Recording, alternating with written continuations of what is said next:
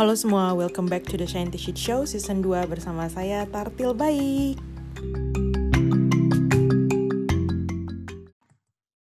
Yo, thank you so much. Welcome back. Eh, bukan welcome back, harusnya welcome to Denny Mamen. Ini Ini udah apa namanya mengosongkan waktu untuk eh, apa namanya ngisi podcast gua di sini. Dan ini temanya emang cocok banget buat lu sebenarnya. Gue tuh lagi nyari-nyari orang-orang yang cocok. Ternyata banyak banget sih salah satunya lu gitu. Nah, kebetulan kalau cocok. kenapa gue ngambil tema ini karena ini tuh masih suasana kemerdekaan gitu. Jadi pengen apa ya? Mungkin dengan Hilang suaranya. kedengeran nggak sih suara gue tuh? Hilang suaranya tadi. Oh iya? Ya udahlah, nggak apa-apa. Yang penting kerekam di gua. Lu suaranya gede-gede banget sih. Ntar ya, gue gedein dulu ininya. Padahal gue udah rekam loh ini. Bloopers-bloopers seperti ini akan terdengar. But that's okay. Ya, dimatiin dia video. Ya. Jadi, emang sengaja gue, apa namanya, ngangkat tema ini mungkin untuk, apa ya, istilahnya, men-trigger se ide anak-anak muda gitu. Sekiranya mereka ada yang ingin mereka lakukan, tapi nggak tahu mereka harus mulai dari mana nih, kayak gitu. Jadi, mohon maaf ya ada suara-suara dari belakang di sini. Bapak. ya, jadi langsung aja Den, eh, perkenalan diri dulu, walaupun gue udah nyebut nama lu, lu dari mana, terus, sek- ah, iya lu dari mana, terus apa namanya, dulu kuliah di mana, jurusan apa, dan sekarang aktivitasnya apa nih? Oke, eh, salam semua teman-teman yang di Jayapura. Perkenalkan, eh, saya Denny Burasan, teman-teman bisa manggil saya Denny. Eh, saya eh, barusan selesai kuliah juga. Kemarin kuliah S2 di jurusan Sosial Entrepreneurship, eh, atau misalnya eh, bisnis sosial, bisa dikatakan seperti itu. Sekarang s- sibuk lagi mau nanam budidaya alpukat ya dengan sistem bagi hasil di Lampung. Ya mudah-mudahan ini bisa berjalan lancar. Karena banyak tapi nggak ada yang modal, ada yang punya bahan. Nah coba kita jadi penengah gitu. Ya, ya, sih. ya, ya. Terus kemarin gue denger-dengar lu juga ngajar kan ya? Ngejar Ngajar di kampus. ngajar di mana? Ngajar di kampus. Oh, di kampus. Nggak ngajar di kampus. Itu tuh saya kerja di kampus sebagai customer service di bagian IT-nya kampus. Jadi Oh. kerjaannya itu ngangkat telepon dari profesor atau misalnya pegawai yang ada di universitas tersebut. Terutama ketika mereka punya masalah IT, email, komputer, dan sebagainya. Jadi saya yang ngangkat teleponnya terus masukin datanya di dalam sistem. Kemarin ya Oh. selama setahun jadi part time di kampus. part time. Iya ya, maksudnya itu yang di Mm. US-nya kan, di Southern California. Iya. Itu di Lampungnya, lu bukannya ngajar di situ ya? Di dosen. Ya. Oh kalau di Go College saya nggak ngajar. Saya kan eh, dulu pendirinya dan sekarang ya bantu-bantu khususnya di bagian marketingnya lah, bagian promosi kali ya. Yang gue tanyain Gitu. di Lampung, di kampus di Lampung lu ngajar kan? Oh di Lampung. Iya. Belum belum kemarin dapat tawaran ngajar, cuman kayaknya nggak jadi ngajar Oh, di Lampung. Karena eh, ada inilah ada apa namanya family reason kali ya, family reason sama financial reason. Jadi Oh, dipospon dulu. Oke, oke.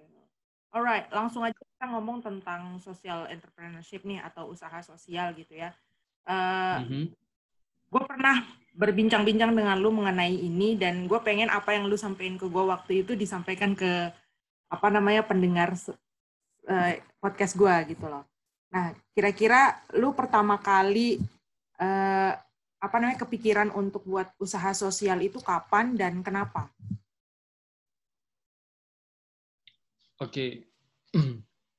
Halo. Halo? Iya, Mbah. Bentar, Mbah, lagi ini teleponan bentar. Dipanggil nih sama Mbah. Mantap, Oke, oke. mantap, mantap. Salam sama Mbah lu. Iya, jadi uh, uh, alasan pertama sebenarnya pertama kali itu emang saya sama teman-teman emang mendirikan kayak salah satu organisasi uh, sosial di bidang pendidikan, di mana kita ngebantuin anak-anak daerah untuk ngasih motivasi mereka untuk lanjut kuliah gitu. Jadi kita ngasih informasi terkait gimana sih bisa kuliah uh, lanjut studi di apa namanya di S1 ya di perguruan tinggi uh, dengan uh, beasiswa gitu. Ternyata banyak anak-anak daerah yang sangat luar biasa tidak tahu tentang informasi ini. Makanya kita uh, coba ke daerah-daerah untuk ngasih motivasi sama juga ngasih informasi. Nah, ketika kita jalanin program ini, kita terkendala dengan dana. Jadi, uh, karena kita harus nyewa mobil, bayar bensin, dan sebagainya. Nah, saat itu uh, kita, saya ngerasa kita coba open donasi ya, kita coba reach out uh, government, terus kita coba reach out uh, beberapa do, uh, donatur ya. Cuman saya ngerasa itu nggak bisa ketergantungan sama mereka. Pada akhirnya saya punya ide, gimana ya caranya kita bisa punya bisnis di dalam organisasi sosial ini. Maka uh, maka lahirlah GoGo Course tersebut, di mana profit keuntungannya bukan hanya untuk menggaji apa namanya gaji teman-teman pekerja ya yang yeah. ada di Google Course itu sendiri, tapi juga bisa uh, digunakan 20 persennya itu bisa digunakan untuk menjalankan program sosial tersebut sehingga uh, program sosial itu bisa terus berlanjut gitu tanpa ketergantungan dengan pemerintah maupun donatur yang sebelumnya kita coba mintai tolong gitu. Sebenarnya dari situ sih uh, apa namanya awal kenapa why I with my friends gitu ya establish um, one of social enterprise di dalamnya gitu. I see. And what did you do then waktu itu? Maksudnya usaha sosial apa yang lu lakukan sampai lu tuh bisa ngegaji orang-orang yang ngajarin kurs atau uh, apa namanya ya yang yang inilah yang isi di Google Course waktu itu.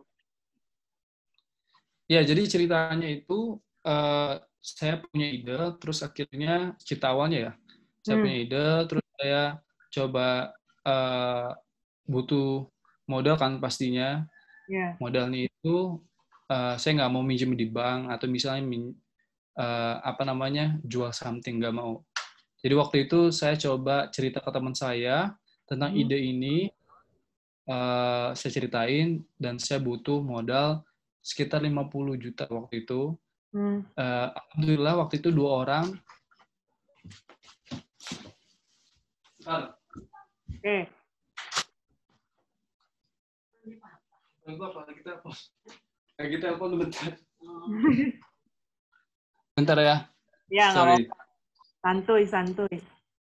Ya, bentar. Anggaplah ini blooper ya, teman-teman. Namanya juga recording jarak jauh.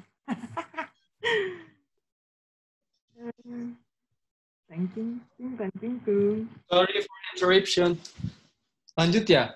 Alright. Nah, terus uh, saya coba jelasin ke teman saya uh, kalau saya mau buka program GoGo Course waktu itu. Di mana di situ juga punya problem, banyak banget anak-anak Lampung itu nggak bisa bahasa Inggris ceritanya ya. Tapi juga banyak yang nggak mau ikut kursus bahasa Inggris karena masalah dana juga.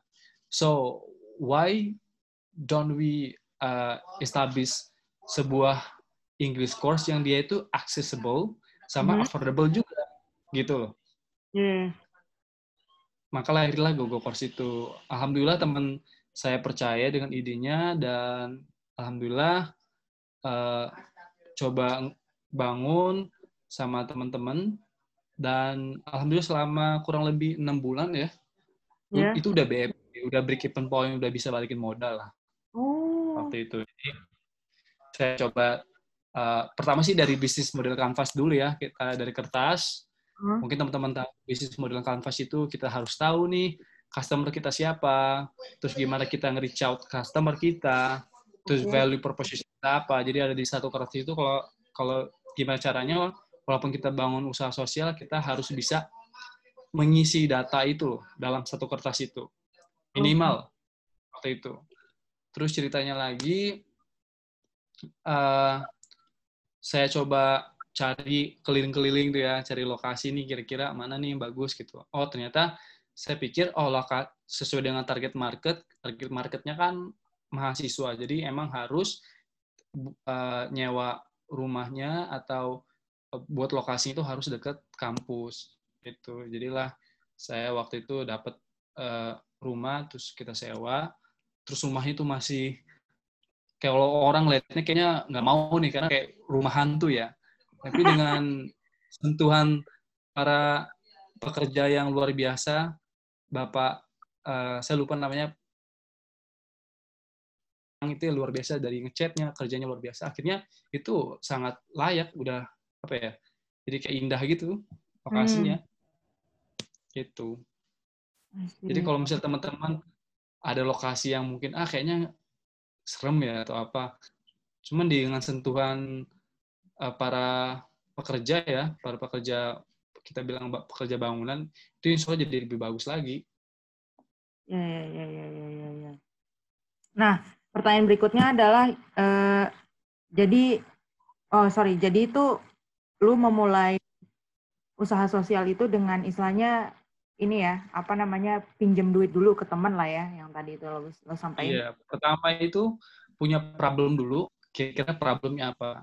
Find your problem. Apa sih problemnya? Habis itu baru nih cari solusinya kan. Salah satunya step first solution itu adalah hmm. tadi kalau kita nggak punya modal, mungkin kita bisa cari modal itu dengan reputasi kita. Ah. Bahasanya kali ya.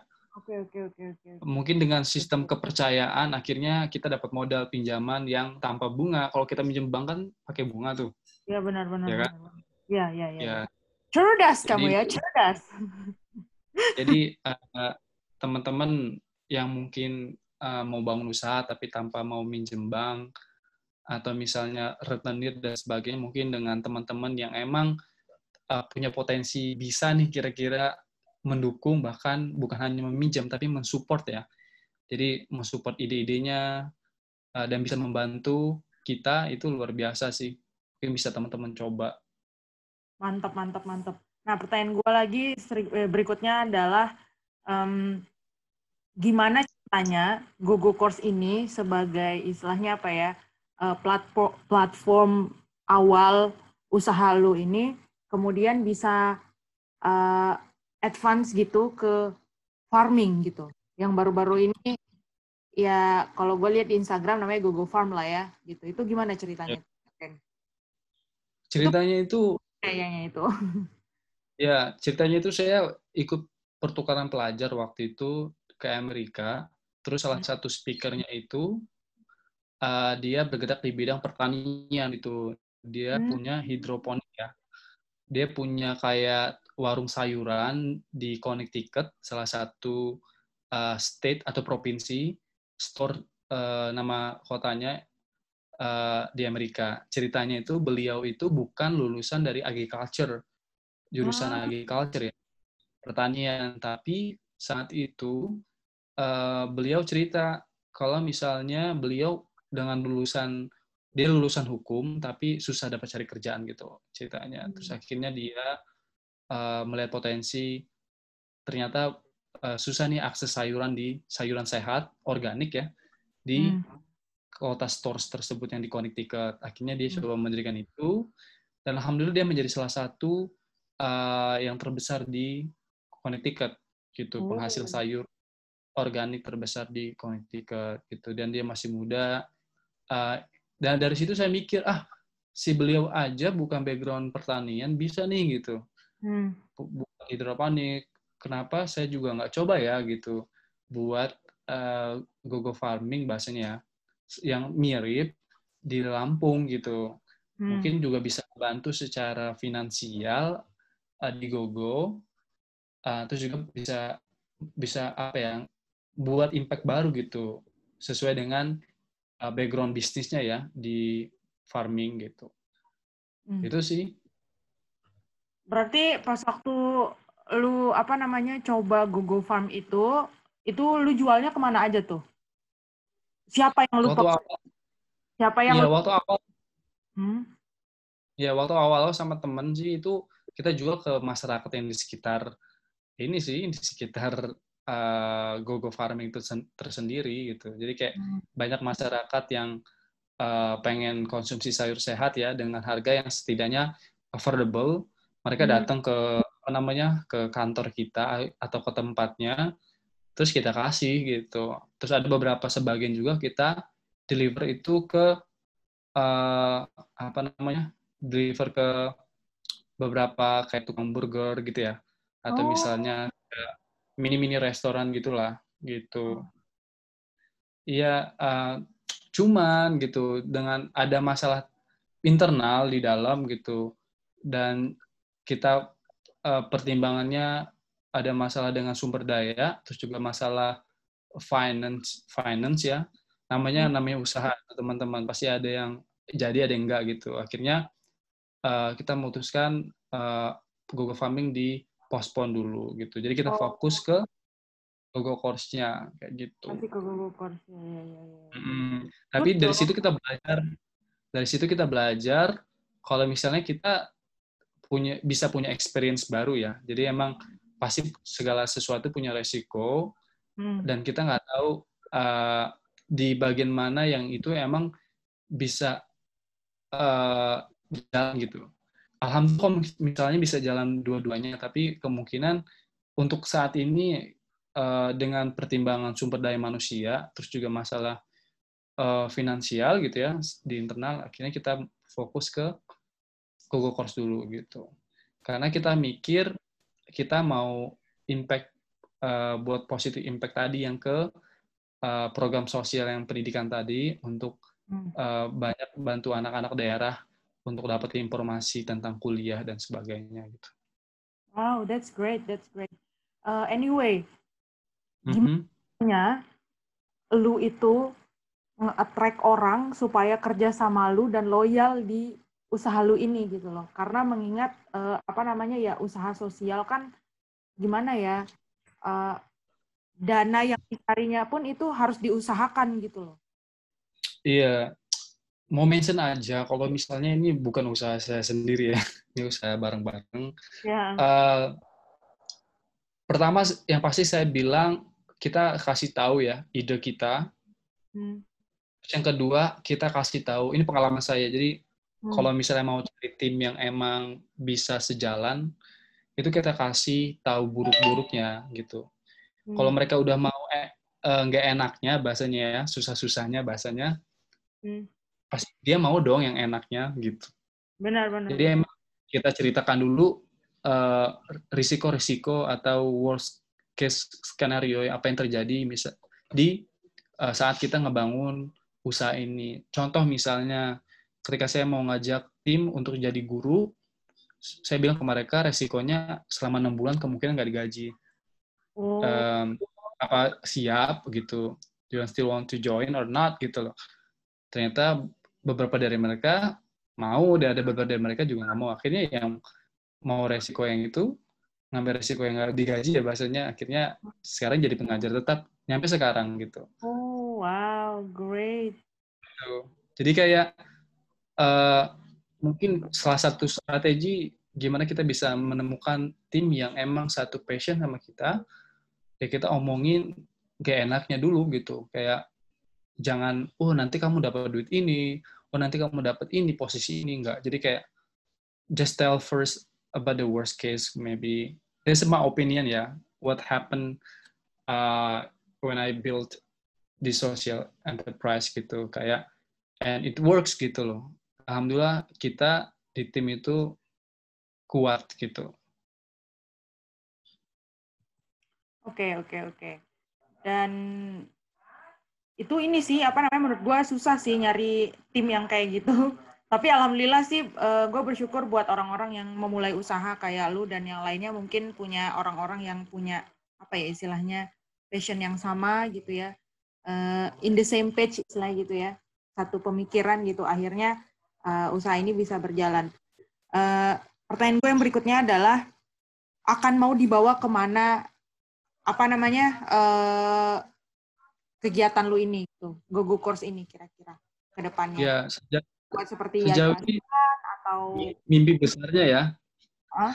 Mimpi besarnya sih sebenarnya kalau kita tim itu pengen GoGo Course ini bisa buat lebih banyak GoGo Course nggak hanya di Lampung tapi juga bisa ada di provinsi lain, khususnya provinsi yang membutuhkan uh, lembaga bahasa Inggris ini.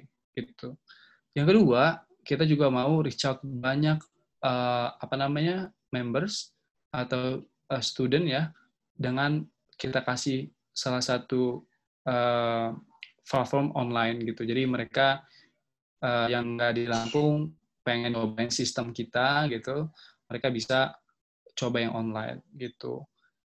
Mungkin sejauh ini itu di mana nanti kita bisa buat impact yang lebih besar gitu. Jadi kita karena banyak banget itu masih banyak sekolah-sekolah yang di daerah-daerah itu belum ke reach out sama kita gitu. Masih banyak adik-adik yang di sana itu nggak tahu informasi jelas ya tentang beasiswa yang ada di kuliah maupun tentang penjurusan dan sebagainya gitu.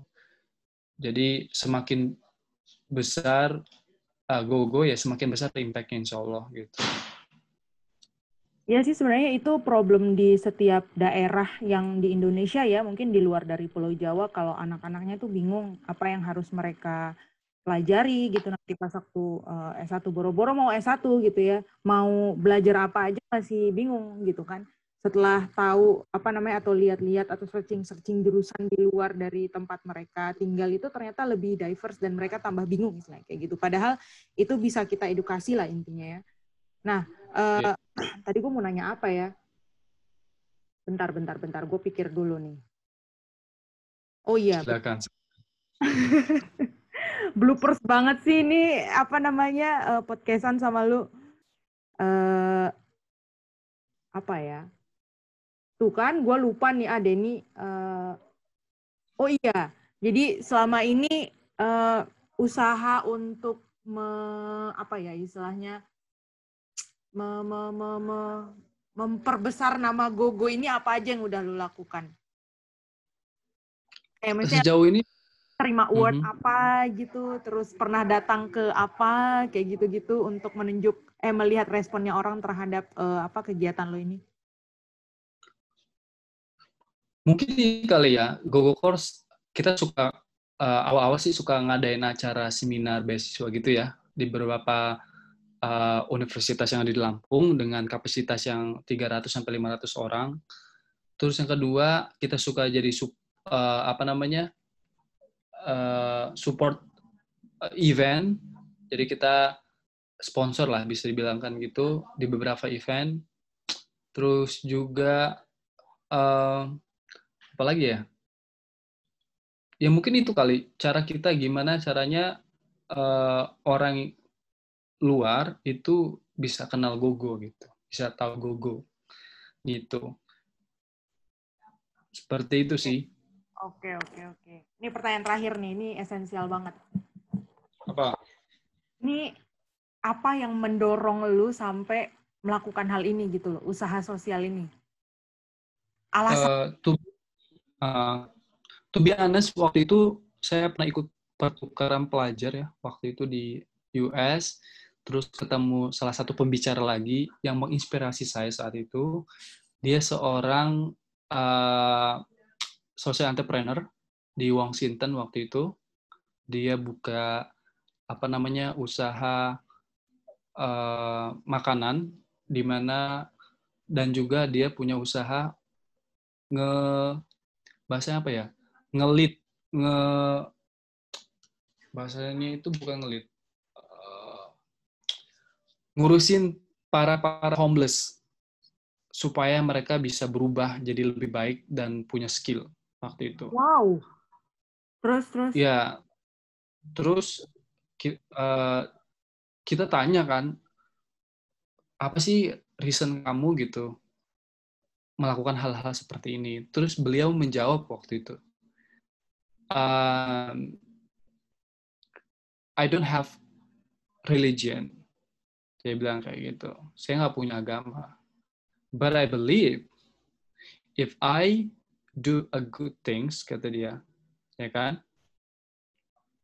I will receive good things as well. Hmm, wow. Dari situ saya kayak langsung, uh, and I'm very old, dia bilang gitu. And I'm too late because I'm start, karena dia mulai saat dia usia 50-an tahun gitu.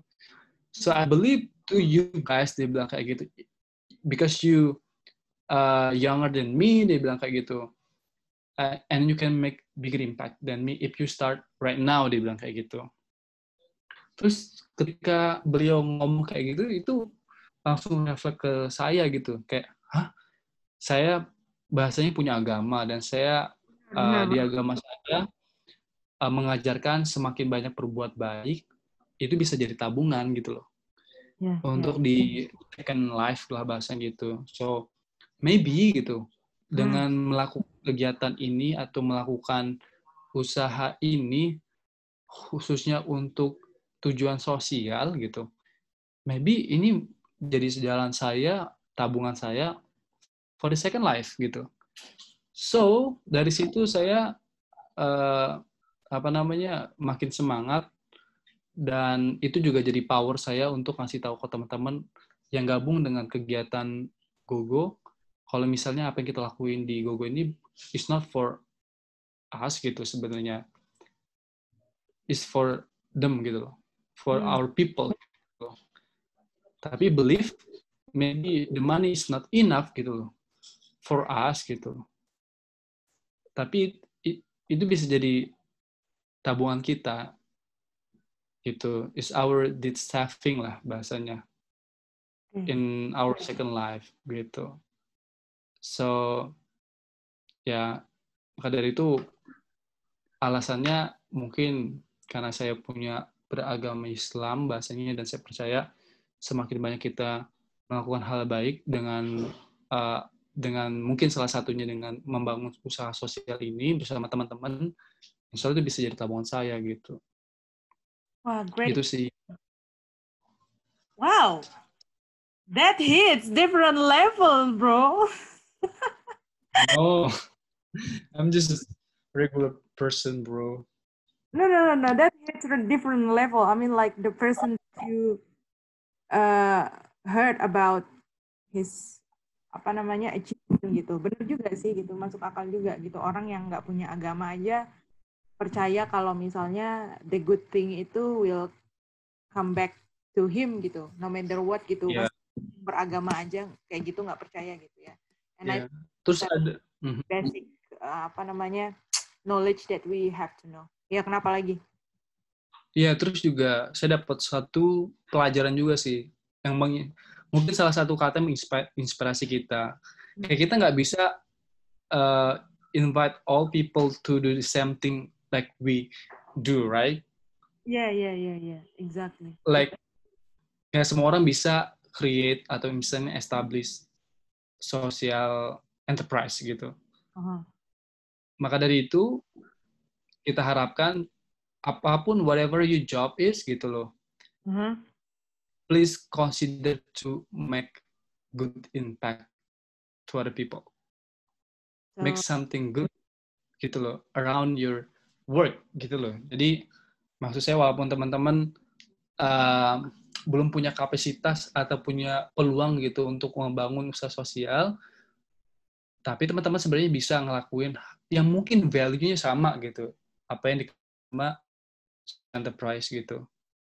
Wow. Sama teman-teman yang social enterprise mungkin ya. Karena teman-teman mungkin nih contohnya for example, you work uh, in company gitulah. Terus yes. teman-teman uh, bisa mungkin galang dana atau menggunakan dana CSR-nya dengan uh, dengan dengan apa namanya very strategic gitu for the yeah, iya. impact yeah. itu juga powerful sebenarnya gitu atau teman-teman yang kerja di bidang pendidikan ya maksudnya di uh, universitas maybe there is like kinds of opportunity juga yang teman-teman bisa make a powerful and impactful program uh, project gitu jadi uh, bisa teman-teman sebenarnya value-nya sama gitu. karena kan value what what is the reason for social entrepreneur? Uh, establish social enterprise kan. Ya salah satunya make the impact kan. Gitu. Jadi menurut saya gitu pandangan saya uh, in the view saya gitu ya sama gitu. Misalnya teman-teman uh, kerja di mana pun asal teman-teman concern dan thinking about the other people gitu like how to make a good impact gitu. So use uh, your position use your opportunity to do something for other people is okay gitu is like super super okay gitu. Jadi nggak harus kayak oh si A buat social enterprise gue pengen juga buat social enterprise gitu. Nggak harus cuma kalau teman-teman bisa is it's good too gitu. Gitu sih That's nice. That's nice, Danny. Um, uh, actually, your advice is actually, you know, like resemble, resemble with someone else um, advices. I heard, I heard a speech of Oprah Winfrey, and she said like, what you've been said before. It's all about find a way to serve, like whatever you are, whatever your background, whatever your profession, you need to find how to serve like that to people. Because even though we are different, like maybe you are a doctor and some of them are lawyers, itu mereka yeah. something in common gitu loh, something that can be served kayak gitu. And actually that's my um, last request for you gitu ya. Yeah. Akhirnya lu udah ini aja udah nyampein aja thank you banget buat uh, apa namanya saran-sarannya Denny untuk um, yeah. untuk teman-teman kita di so, sini buat uh, pendengar podcast gua terutama walaupun sebenarnya mungkin uh, pendengar podcast gua ini ya rata-rata kenalan gua semua gitu loh. Apa? Kayak misalnya Tara buat ini kan itu juga punya insight-insight yang bagus bisa ngubah pola pikir teman-teman udah bisa menginspirasi itu juga salah satu impact gitu yang emang Gue nggak mikir sampai sana dong. Accountable bisa bilangin gitu. Jadi like everyone can be social entrepreneur gitu. Apa yang buat beda ya kalau social entrepreneur mereka sell the product sebenarnya gitu. Tapi kan yeah, kita yeah. bukan kayak contoh tadi, you're not selling the product right, but you yeah. sell the idea, the insight. Yeah, yeah, yeah, yeah. right. You're right. It's uncountable impact, but it's still impact. Mantap. Gue tuh nggak sampai ke sana sih. Gue bikin ini cuma kayak gue tuh bisa apa ya gitu. gue mikir-mikir oh ya ada hal terpendam yang ingin gue lakukan sejak dulu dan nggak pernah gue lakukan. Oh so I'll do it gitu loh. Mumpung corona. Itu sih. Pokoknya uh, semangat buat teman-teman. Uh, ya tadilah uh, sama kayak pesannya uh, pesan agama kita, mungkin agama semua kali ya selalu berbuat baik kepada orang lain itu sih ya. kepada lingkungan juga ya, jelas lah tapi uh, kalau teman-teman tulus itu kayak rasanya itu kayak apa ya kayak bahagianya itu nggak bisa undescribable lah is mamin Iya nggak sih? Iya iya benar benar benar benar. Describable ya. Yeah. Yeah, exactly. Yes yes. Oke, okay. Thank you, Dan, uh, for your time, yeah? My pleasure.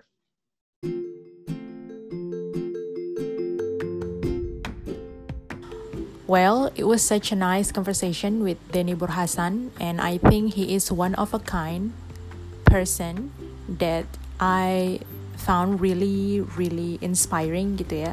Mudah-mudahan uh, episode ini bisa memberikan inspirasi kepada kita semua begitu toh tentang uh, kerja-kerja dari social entrepreneurship inter, social entrepreneurship ini gitu. Walaupun saya punya saya masih punya one more episode about this about uh, social entrepreneurship and I think uh, this last episode for social entrepreneurship is gonna be late. Maksudnya karena uh, pembicaranya untuk episode berikutnya akan apa namanya agak sedikit berbeda gitu dia orang uh, apa namanya sedikit bocoran dia orang bukan orang Papua begitu toh tapi dia uh, apa ya istilahnya merintis dia punya karir sebagai uh, seorang social entrepreneurship itu di Papua. Well, walaupun mungkin uh, sekarang itu saat-saat ini bukan apa ya istilahnya bukan masuk suas udah tidak suasana kemerdekaan lagi, but I think uh, topik ini masih sangat hangat dan uh, nyaman untuk didengarkan dan dibahas kayak gitu loh. So yeah, uh, I hope you guys can enjoy it. Uh, kalau kalian want to get to know more about Denny gitu ya bisa follow Instagramnya at Denny Burhasan uh, atau dia punya apa company dia punya perusahaan at Gogo Course jangan lupa juga uh, kalau kalian suka topik ini gitu toh kalian bisa like bisa share kasih ke teman-teman kalian gitu toh supaya mereka tahu gitu oh ternyata ada orang seperti ini keren. Gitu maksudnya pembicaranya ya uh, bukan sayanya.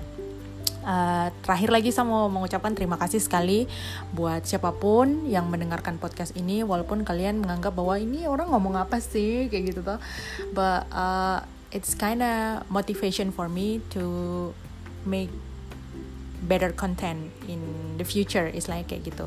Jadi ya uh, mohon supportnya dan ya sampai jumpa di episode berikutnya. Bye bye